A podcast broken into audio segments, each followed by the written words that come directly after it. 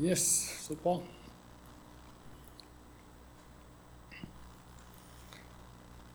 Må gjøre sånn. Jeg har ikke brillene mine i dag. De har knekt, så jeg måtte ta noen databriller. Så dere blir så uklare når jeg har de, så har de litt på der. Jeg vil begynne litt med en sånn liten unnskyldning først, før jeg begynner å tale. Og det er at eh, Geir og de ønsker at jeg sender inn preikene mine litt i god tid, sånn at han får oversatt de til ukrainsk. Sånn at våre ukrainske venner skal få med det vi snakker om. Men det har jeg ikke fått gjort denne uka her. Så jeg beklager til dere, mine kjære venner fra Ukraina. Dette blir på norsk. Så Så har jeg fått tildelt av Geir et punkt på de fire b-ene, og det er brødsbrytelsen. Og jeg tenker at det er fordi at han hadde sikkert tenkt at vi skulle ha nattverd i dag, og at det passet kanskje å prate om brødsbrytelsen i dag. Men det er det temaet jeg skal ta nå. Og teksten som jeg skal bruke, den er fra Apostlenes gjerninger 41 46. Men jeg kommer til å ta med fra 36, vers 36 og utover. Og bakgrunnen for disse versene vil jeg si litt om først. Eh, for dette blir tatt ut av selve konteksten. Bakgrunnen er at det har vært pinse. Og det er pinse da når disse her ordene blir skrevet. Den hellige ånd har kommet over disiplene. De har mottatt Den hellige ånd, og i kraft av Den hellige ånd så går disiplene ut i byen, ut i Jerusalem, de går ut på gatene, og så begynner de å tale om Guds storhet på mange forskjellige språk. Og så en ti-tolv språk remser ned, som de plutselig får å tale. Og folk i Jerusalem de skjønner jo ikke hva det er som er skjedd. Det her er jo enkle fiskere, enkle menn fra Galilea. og Så går de her, og så prater de alle disse språkene. Og de, de er ganske forvirra over dette her. Og så er det noen eh, som er litt kjekke vet du, blant disse folkene som sier at det er bare fyllevrøvl. De er helt sikkert fulle, bare ikke hør på dem. Så stender Peter fram og sier han, 'Jeg hører her, folk. Klokka er bare ni om morgenen. Folk er ikke full. Det som skjer nå, det er det som er forutsagt eller profetert om at skal skje. At det skal komme ei tid der Gud skal utøse sin ånd over alt kjød, eller over alle mennesker. Og det er det som skjer nå. Og så stender Peter fram, og så legger han ut dette for folket. Det er jo bare det er jo et under at Peter gjør. For det er jo ikke lenge siden vi leser at han var livredd og satt bak låste dører i angst og i frykt for å bli oppdaga. Og nå stender Peter fram, og så forklarer han hva det er som skjer. Og så tar han Bibelen hører seg fra David og helt fram til Jesus. Og så forteller han hva det er som skjer.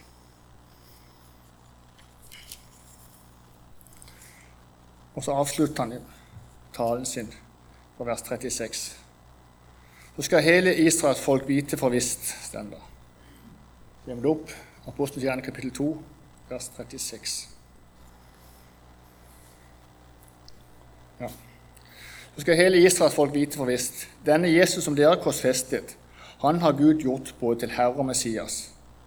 Da de hørte dette, stakk det dem i hjertet, og de sa til Peter og de andre apostlene, Hva skal vi gjøre, brødre? Peter svarte dem, Vend om og la dere døpe i Jesu Kristi navn, hver og en av dere, så dere kan få tilgivelse for syndene, og dere skal få Den hellige ånds gave. De som tok imot budskapet hans, ble døpt, og den dagen ble det lagt til omkring 3000 mennesker. Dette er situasjonen i Jerusalem. Det bryter ut en kjempevekkelse. Og så leser vi at 3000 mennesker blir frelst. Og så er det hva gjør de nå? Og det er det teksten resten handler om. Skal ta og lese videre. Jeg skal lese fra vers 1, bare for det med. De som tok imot budskapet hans, ble døpt, og den dagen ble det lagt til omkring 3000 mennesker. De holdt seg trofast til apostlenes lære og fellesskapet, til brødsbrytelsen og bønnene. Og hver og en ble grepet av ærefrykt. Og mange under og tegn ble gjort av apostlene. Alle de troende holdt sammen og hadde alt felles. Hver dag holdt de trofast sammen på tempelplassen og hjemmene brøt de brødet og spiste sammen med oppriktig og hjertelig glede. De sang og lovpriste Gud og var godt likt i hele folket. Og hver dag la Herren til nye som lot seg frelse. Her ser vi starten, konturene, til den første menigheten. En menighet som består av stort sett nyfrelste mennesker. Og disse trenger oppfølging. De trenger veiledning. Tett oppfølging og veiledning. Og de trenger noen trygge rammer som de kunne bygge menighet på, og som de kunne bygge troslivet sitt på. Det tror jeg var viktig. For ellers så kunne dette her fort ha blitt mye kaos og mye rot. Hvis alle skulle følge sitt eget hode og sin egen tanke. Jeg var redd det kunne sprike i alle retninger. Og det kunne ha blitt fort kaos, og vekkelsen kunne ha stoppa der. De trengte regler. De trengte rammer. Og de felles reglene, de felles rammene som de skulle bygge menigheten sin på, det finner vi i vers 42. Og det var at de holdt seg trofast til apostlenes lære, til fellesskapet, til brødbrytelsen og til bønnene. Og her skimter vi kirka sine grunnleggende ordninger. Dette kirka bygger på. Det første er Bibelen. Her er teksten som står det apostlenes lære. I den betydning at det var den undervisninga som de ga de første troende for å føre dem fram og inn i en dypere forståelse av kristendommen. Og jeg tenker, Den gangen når dette ble skrevet, da ble det muntlig overført. I dag finner vi det i Bibelen, i boka vår. Dette er skrevet ned, og vi kan lese det.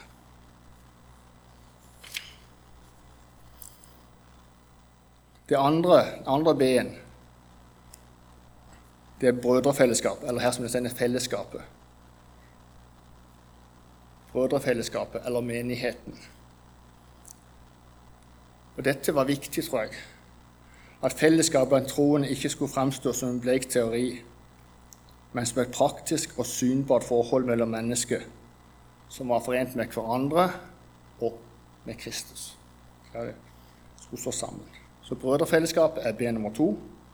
Brødsprøytelsen vi skal snakke om i dag, er B nummer tre, altså det vil si nattverden. tenker jeg og fire er bønnene. Og det vil si at For de første kristne så var dette viktig. Dette med bønn var viktig. Både personlig bønn, men òg i fellesskapet, i menigheten. At de kom sammen, og at de ba. Og De fire b-ene i vers 42 det har blitt stående som fire grunnsannheter som vi bygger kirka vår på i dag. Det er, jo som, det er grunnen som vi bygger på.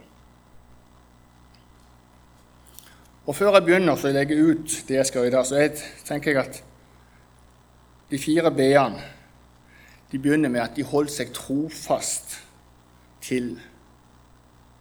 De holdt seg trofast til. Og det er et nøkkelord, tenker jeg. Det med trofast og trofasthet. De holdt seg trofast til apostlenes lære og fellesskapet, altså til menighetsfellesskapet, til brødsbrytelsen og til bønnene. Jeg vil si noen få ord om det med å være trofast eller holde seg trofast til. For det første så tenker jeg at det, at det er noe som en må bestemme seg for. Du må rett og slett ta en avgjørelse. Dette vil jeg. Det er en viljestyrt handling. Og det er noe som krever litt karakter og at vi stender over det, i det over litt tid. Trofasthet er målbart. Måles over tid. Kan du se tilbake? Jo, han er stått trofast i tjenesten. Han er stått trofast med den eller den. Han har vært trofast i yrket sitt. Han har vært trofast, eller hun har vært trofast. Det er noe du ser over tid. Du ser tilbake. Og jeg tenker dette er noe som vi må bestemme oss for. At vi aktivt prioriterer dette fellesskapet. At vi aktivt prioriterer menigheten. At vi aktivt prioriterer å lese. At vi aktivt prioriterer å be. Og det er noe som hver og en må bestemme seg for.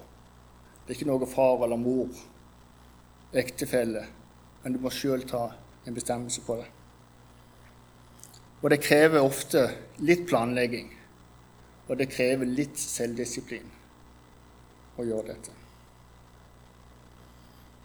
Og jeg tenker at rekkefølgen her i dette verset 42 den er heller ikke helt tilfeldig. Det begynner med at de holdt seg trofast til apostlenes lære. De holdt seg trofast til bibelordet. De leste Bibelen, de tok til seg Bibelen.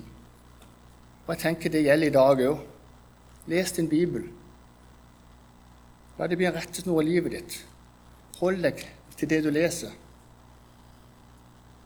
Og Her For en tid tilbake siden så leste jeg Jeg var så dum, jeg tok ikke vare på den artikkelen i avisen Dagen. En artikkel der de hadde undersøkt hvor mange som leste Bibelen blant frikirkelige, altså sånne som meg og deg, mennesker, kristne mennesker, og Bibelen, hvordan vanlig de hadde når de leste Bibelen. Og Jeg ble sjokkert når jeg lærte de tallene. Det må jeg si. For det viser bare litt hvor lite viktig Bibelen er for kristne mennesker. Det skal dere høre. Mindre enn 20% svarte at de hadde lest Bibelen siste uka. Mindre enn 20 Altså mindre enn 20% kan du si leser Bibelen hver dag. Det er ganske sjokkerende. 80 svarer da at de leser Bibelen mindre enn én gang i uka. 40% av disse, og det er det som er virkelig er vondt, sier at de ikke leste Bibelen sin det siste året. Dette er folk som meg og deg, frikirkelige sammenhenger. Jeg har ikke tatt fram Bibelen det siste året og lest den.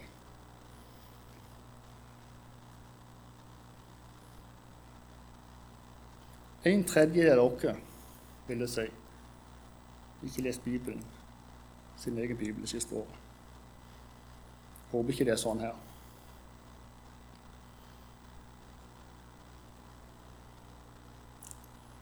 Så leser vi at de holdt seg trofast til fellesskapet, til apostlenes lære, til brødsbrytelsen og til bønner. Det krever at vi prioriterer. Det krever at vi setter litt tid til både til å lese og til å be og til å være sammen. Og til å være en del av fellesskapet i menigheten. De holdt seg trofast til brødsbrytelsen og til bønnene, leste vi. Det vil si at de feira nadverden i hop. De kom i hop, og de feira nadverd, og de ba i hop. Jeg tenker Det er en viktig del av fellesskapet i menigheten at vi kommer i hop at vi deler nattverden, og at vi ber i hop. Og det har skjedd mange ganger allerede i dag, at vi har bedt i hop. Herifra så er det vært delt masse bønn. De holdt seg trofast til apostlenes lære, til fellesskapet, til brødsbrytelsen og til bønnene. Så, videre, så kan det virke at dette var vanlig iblant de første kristne at de gjorde at de brøt brødet sammen. For I vers 46 så leser vi at de gjorde det hjemme òg. Da de kom i hop i hjemmene, så brøt de brødet. Først litt jeg skal lese det. Hver dag holdt de trofast sammen på tempelplassen, og i hjemmene brøt de brødet og spiste sammen med oppriktig og hjertelig glede. De sang og lovpriste Gud og var godt likt i hele folket. Og hver dag la Herren til nye som lot seg frelse. De kom i hop. De brøt brødet. De var spist i hop. Sender oppriktig, med oppriktig og hjertelig glede. Og de sang og lovpriste Gud. Og de var godt likt i hele folket. Det sier meg litt om litt av det som jeg var litt inne på sist når jeg talte om lovsangen og gleden som smitter. Klare mennesker. Oppriktig glade mennesker. Det er mennesker som vi ønsker å være sammen med. Mennesker som er, synger og viser sin glede. Det er mennesker en vil være sammen med. Og Her leser vi at det at på grunn av dette, tenker jeg, så leser vi at hver dag la Herren til nye som lot seg frelse. Disse menneskene var godt likt. Folket så opp til dem. De søkte seg inn til dem. Og hver dag så ble nye folk frelst. Og så blir disse òg inkludert i fellesskapet. Og så blir dette òg en del av dette fellesskapet som deler nattverden og deler brødsbrytelsen sammen. Men hvorfor brødsbrytelse? Hvorfor bryter vi egentlig brødet? I nattverden så bryter vi brødet. Så brekker vi det sånn. Det første tenker jeg er fordi at Jesus han gjorde det. Jesus brøt brødet. Vi leser f.eks. om brødunderet når han metta 5000 menn foruten kvinner og barn. Så står det at han ba takkebønn. Så brøt han brødet, og så delte han det ut til disiplene som igjen delte det ut til folket. Og her kommer det fem små brød og to små fisk. Og det ble nok til mange, mange tusen mennesker. Alle spiste seg mett. Og det ble overflod. Og det ble tolv kurv igjen. Jesus brøt brødet, og han velsigna det. Og det ble nok. Det neste punktet hvorfor vi skal bryte brødet, det er fordi Jesus sa at vi skulle gjøre det. Vi skulle bryte brød. Og når Jesus sitt måltid, når han innstifter nadverden, så tar han et brød, og så bryter han det, og så sier han, 'Dette er min kropp som gis for dere. Gjør dette til minne om meg.' Så bryt brødet til minne om meg. Gjør dette. Fortsett med det.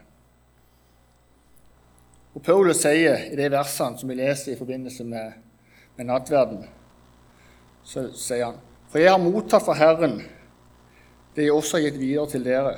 I den natta Herren Jesus ble forrådt, tok han et brød, takket brøt det og sa:" Dette er min kropp som er for dere. Gjør dette til minne om meg. Altså, bryt brødet. Gjør dette minne om meg, sier Jesus. Så jeg tenker nattverden er et minnemåltid som Jesus sjøl innstifta, som vi skal gjøre til minne om Han. Den er til minne om Jesu offerdød. Hvordan hans kropp ble maltraktert, faktisk. Ble han ble ødelagt. Ble brutt ned. Ofte så hører jeg blant folk når jeg snakker med mennesker som ikke har et forhold til tro eller til kristendom, at det virker for lett, det vi forteller om å bli en kristen. Det er bare å si ja og takk og ta imot. Det virker altfor lett. For vi er vant til at vi må jo ikke fortjene noe. Skal jeg ha lønn, så må jeg gå på jobb. Jeg må jobbe mine åtte timer. Skal jeg få karakterer på skolen, så må jeg lese og så må gjøre en innsats for å få karakterer. Til og med for å få Turid så måtte jeg gjøre en innsats i sin tid. Vi sammen. For å oppnå det en vil, så må en gjøre noe. Men så kommer vi til, til det å bli frelst. Så er det bare å ta imot. Jeg skal ikke gjøre noen ting. Det er for lett, sier folk. Men så sier jeg ja, for deg og meg er det lett, men tro meg, sier jeg. Det var sannelig ikke lett for Jesus. Det var ikke lett, det han gjorde. Han tok vår straff, den straffa som vi skulle hatt. Han betalte prisen for at vi skulle gå fri, denne straffa. Han ble spotta, han ble fornedra, han ble gjort narr av. Han ble håna, han ble slått og torturert til døde i vårt sted, altså istedenfor deg og meg. Han tok på seg vår skyld, og vår synd.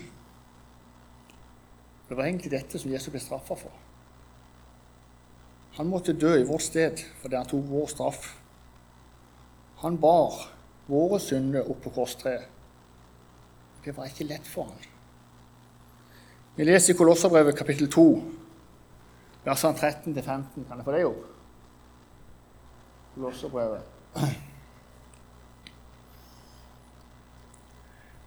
Dere var døde på grunn av misgjerningene og deres uomskårne kjøtt og blod.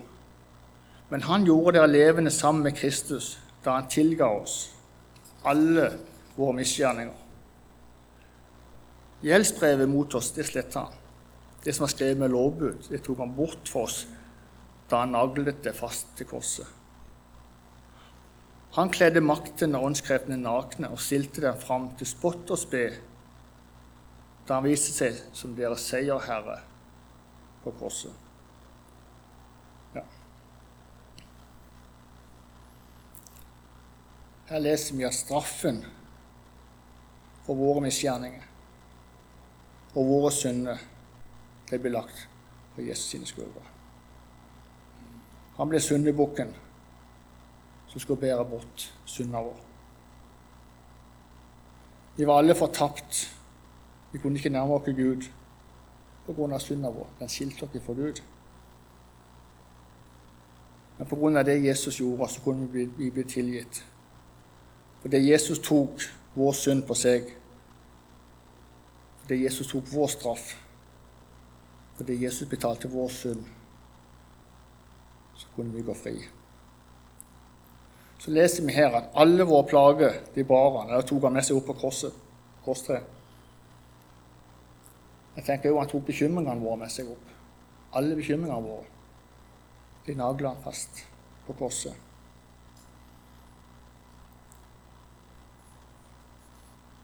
Når jeg leser om Jesus,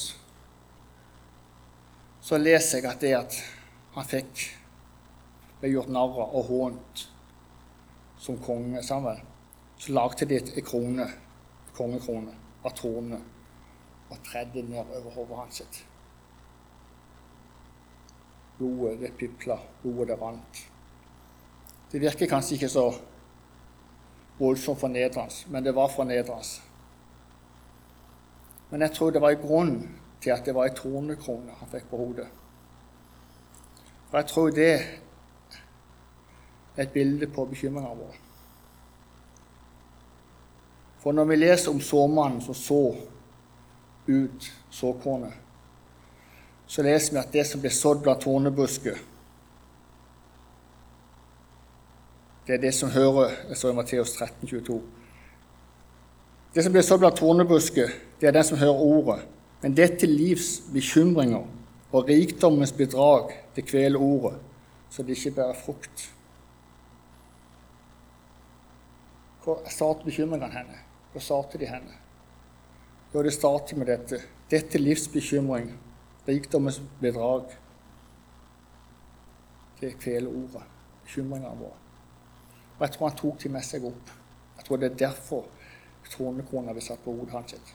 Som et bilde på at han tok bekymringene våre med seg.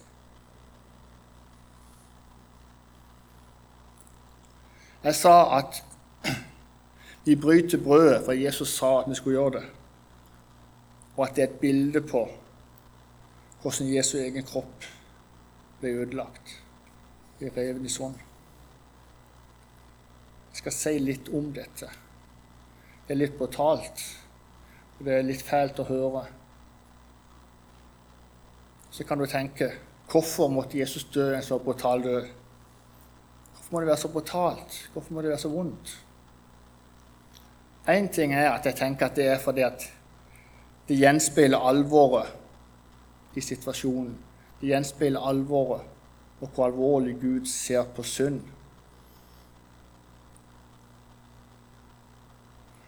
Jeg tenker at litt av grunnen til han måtte dø på korset, litt av grunnen til han måtte ta på seg dette, det var for at han skulle gjøre opp for dette. Og når vi leser Det gamle testamentet, offersystemet sammen, så leser vi om, om eh, at presten kom ut, så la han gjerne hånda på bukken, eller det, som skulle ofres. Bekjente synd, og som skulle ofres for. Og så ble det dyret slakta pga. den synda det eller de menneskene hadde gjort. Og jeg tenker Jesus måtte dø, for det var den straffa som Gud hadde bestemt for synd. Blod måtte renne, noe måtte dø for gjort for denne synda. Og når Jesus tok på seg vår synd og vår skyld, så ble det konsekvensen av det. Det var at han ble dette offerlammet. At han måtte dø. Og måten han dør på, den er grusom. Den er forferdelig vond. Jeg skal si litt mer om det. Men det er dette vi husker når vi bryter brødet i nattverden.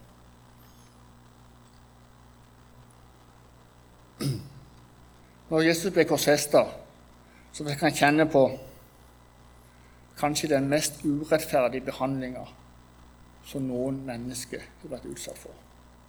Han hadde ikke gjort noe galt, ingenting. Allikevel så fikk han dødsstraff.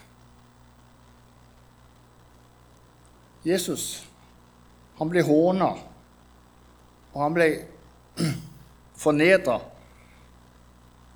på mest tenkelige og mest uverdige måten noe menneske kan bli behandla på. Jesus ble torturert. Han ble torturert helt til han døde. Han ble piska. Han ble slått til kroppen hans var helt ugjenkjennelig romersk pisking. Jeg sier litt om det, jeg vet det er fælt. Men romersk pisking Da brukte de noe de kaller en katt. Det var kanskje sånn et stykke du holdt i, og så var det flere lærreimer. Tre, fem, sju lærreimer. Det var da gjerne blykule eller beinsplinter festa i disse lærreimene. Når de slo disse på mennesket, så gjorde de det over et menneske som var bonden over en stokk. Sånn bøyd. Og så kalte de det for hudfletting. Og det var fordi det sto gjerne to mann med sånne pisker og så slo på ryggen til offeret. Og vi kan lese i masse historiske beretninger om hudfletting. Hvor grusomt det egentlig er. Det er helt uforståelig og det stender at mange tider så ble de piska så fælt herifra og ned at offerets nyre, blodåre og indre organet ble blottlagt, for huden ble revet av. De slo og dro tilbake, sto de med seg litt hud hver gang. Dette gjorde Jesus. Og det er dette som jeg tenker at kroppen hans ble så ødelagt. Han ble så brutt i sonen. I tillegg til dette så blir kroppen ødelagt når de spigrer han til korset. For de spigrer han. Seks toms smidde spigger slo de inn i arm og bein på han før, før de heiste han opp på et korstre. Og Der skulle han henge til han døde. Under sola, midt i varmen. Så stender det at, det at han ble fornedra. Eller jeg sa det. Og noe som jeg syns er fornedra, noe som jeg syns er vondt bare å tenke på, at min Herre, min Frelser, han ble kledd naken før de spikra han fast. Der står det at de trekte lodd og klærne hans. sine. Det var vanlig. Og så hengte de han opp på et kors. Naken og forsvarsløs. For deg og for meg.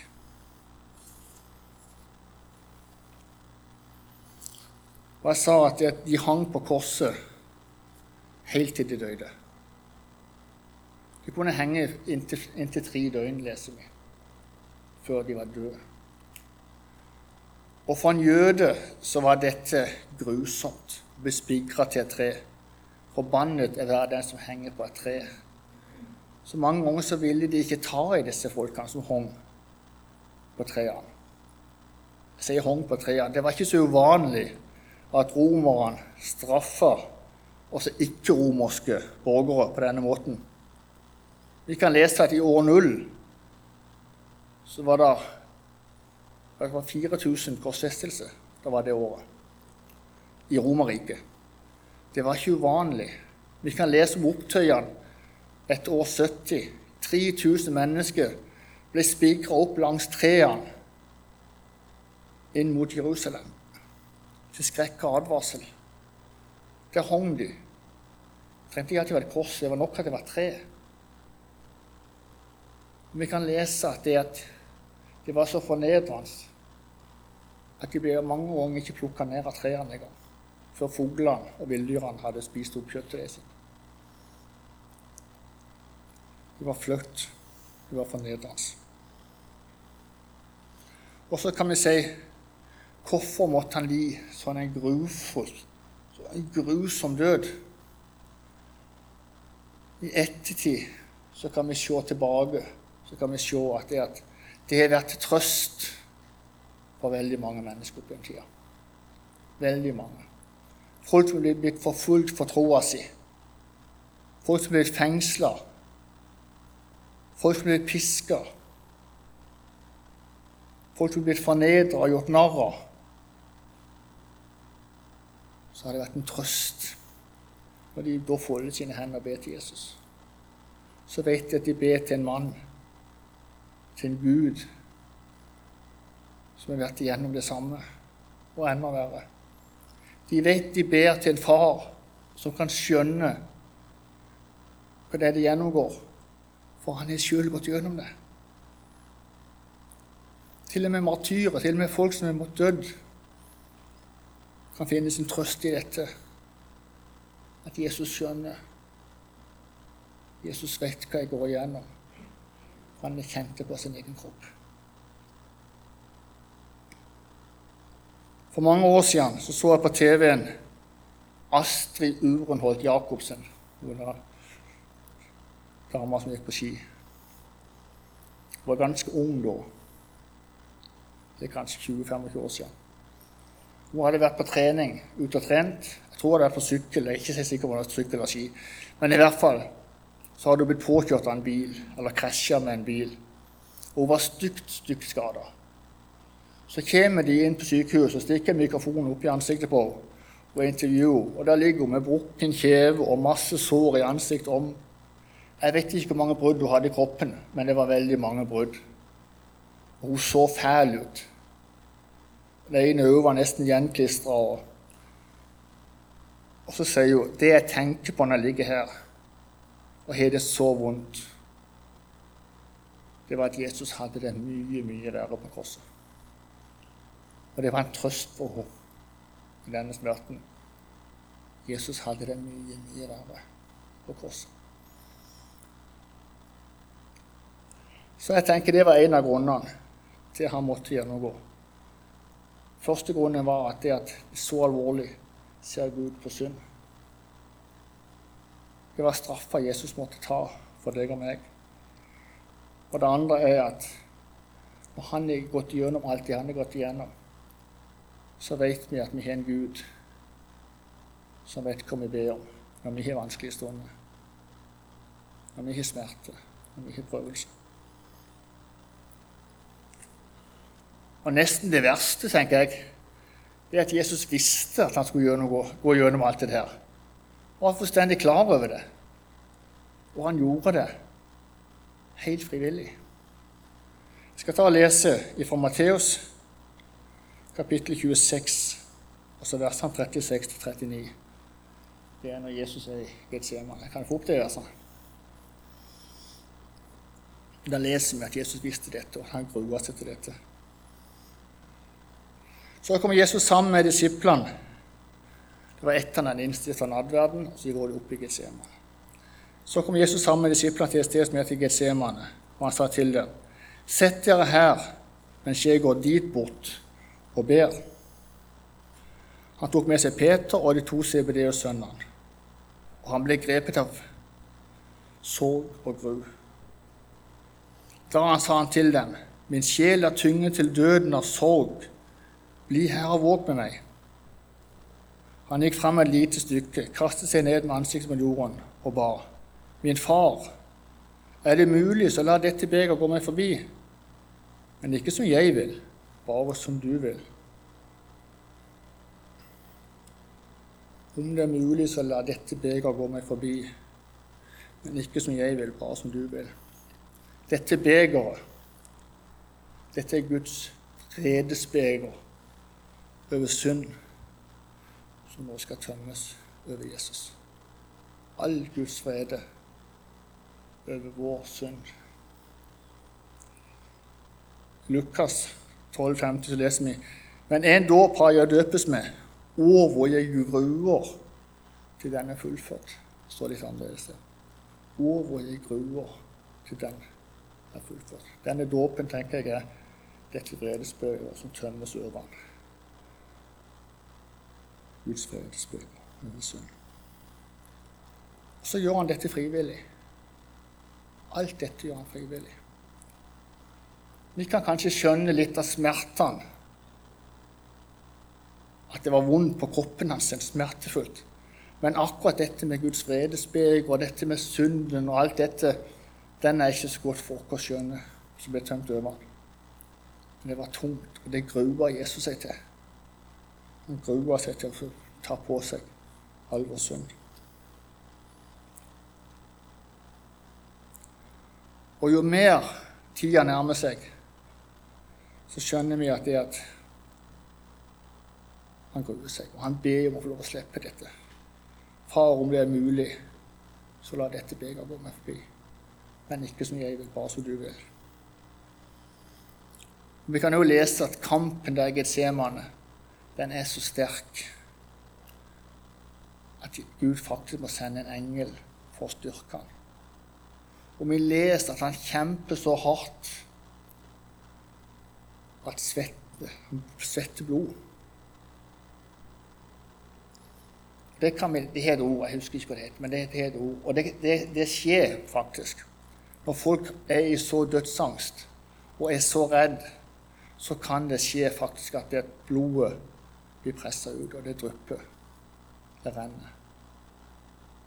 Og det er dokumentert flere ganger fra dødsceller og fra torturkammer og sånn, og folk har vært så redd at dette er skjedd. Det har et medisinsk navn, men jeg husker ikke hva det er. Vi leser at Jesus var så redd at han opplevde dødsangst. Han har prøvd i alt likhet med oss ennå. Og også det med dødsangsten og dødsfrykten. Jeg tenker det, Når vi er der, som mennesker, så kan vi jo be til en far som vet hva det er som skjer, og hvordan vi har det. For han har sjøl opplevd det.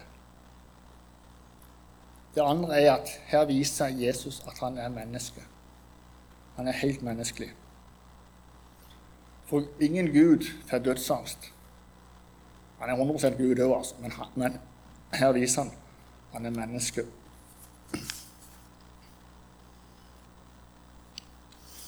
Men samtidig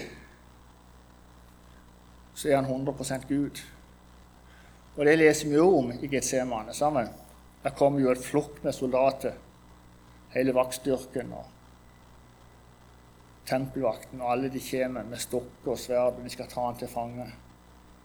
Og så når Jesus spør hvem de leter etter, så sier de de leter etter Jesus, og sier han 'Jeg er den dere leter etter'. Og når han sier dette, så er kraften i dette 'jeg er' så sterkt vi leser at alle soldatene, tempelvakten, alle de, de blir bare slått til bakken av kraften i dette ordet 'jeg er'. Og det viser at han er 100% Gud. Dette viser at ingen mennesker hadde makt over ham. Han gjorde dette frivillig. Han gjorde dette for deg og meg, for vi skulle slippe. Han trengte ikke å gjort det i det hele tatt. Han hadde makt til å slippe. Nå har jeg kommet til det siste, til avslutninga. Hva skjer når Jesus dør på korset midt på dagen? Så skjer det noe. Alt kommer i ulage. Absolutt alt. Jorda rister, jorda skjelver. Det blir mørkt midt på dagen. Vi leser at til og med folk som er døde, går ut av gravene. og forteller noe storhet. Alt kommer i ulage. Det er så sterkt, det som skjer. Når Jesus henger der og sier 'Det er fullbrakt', det er fullbrakt, nå er det gjort, og han dør, så skjer dette. Men så skjer det noe annet.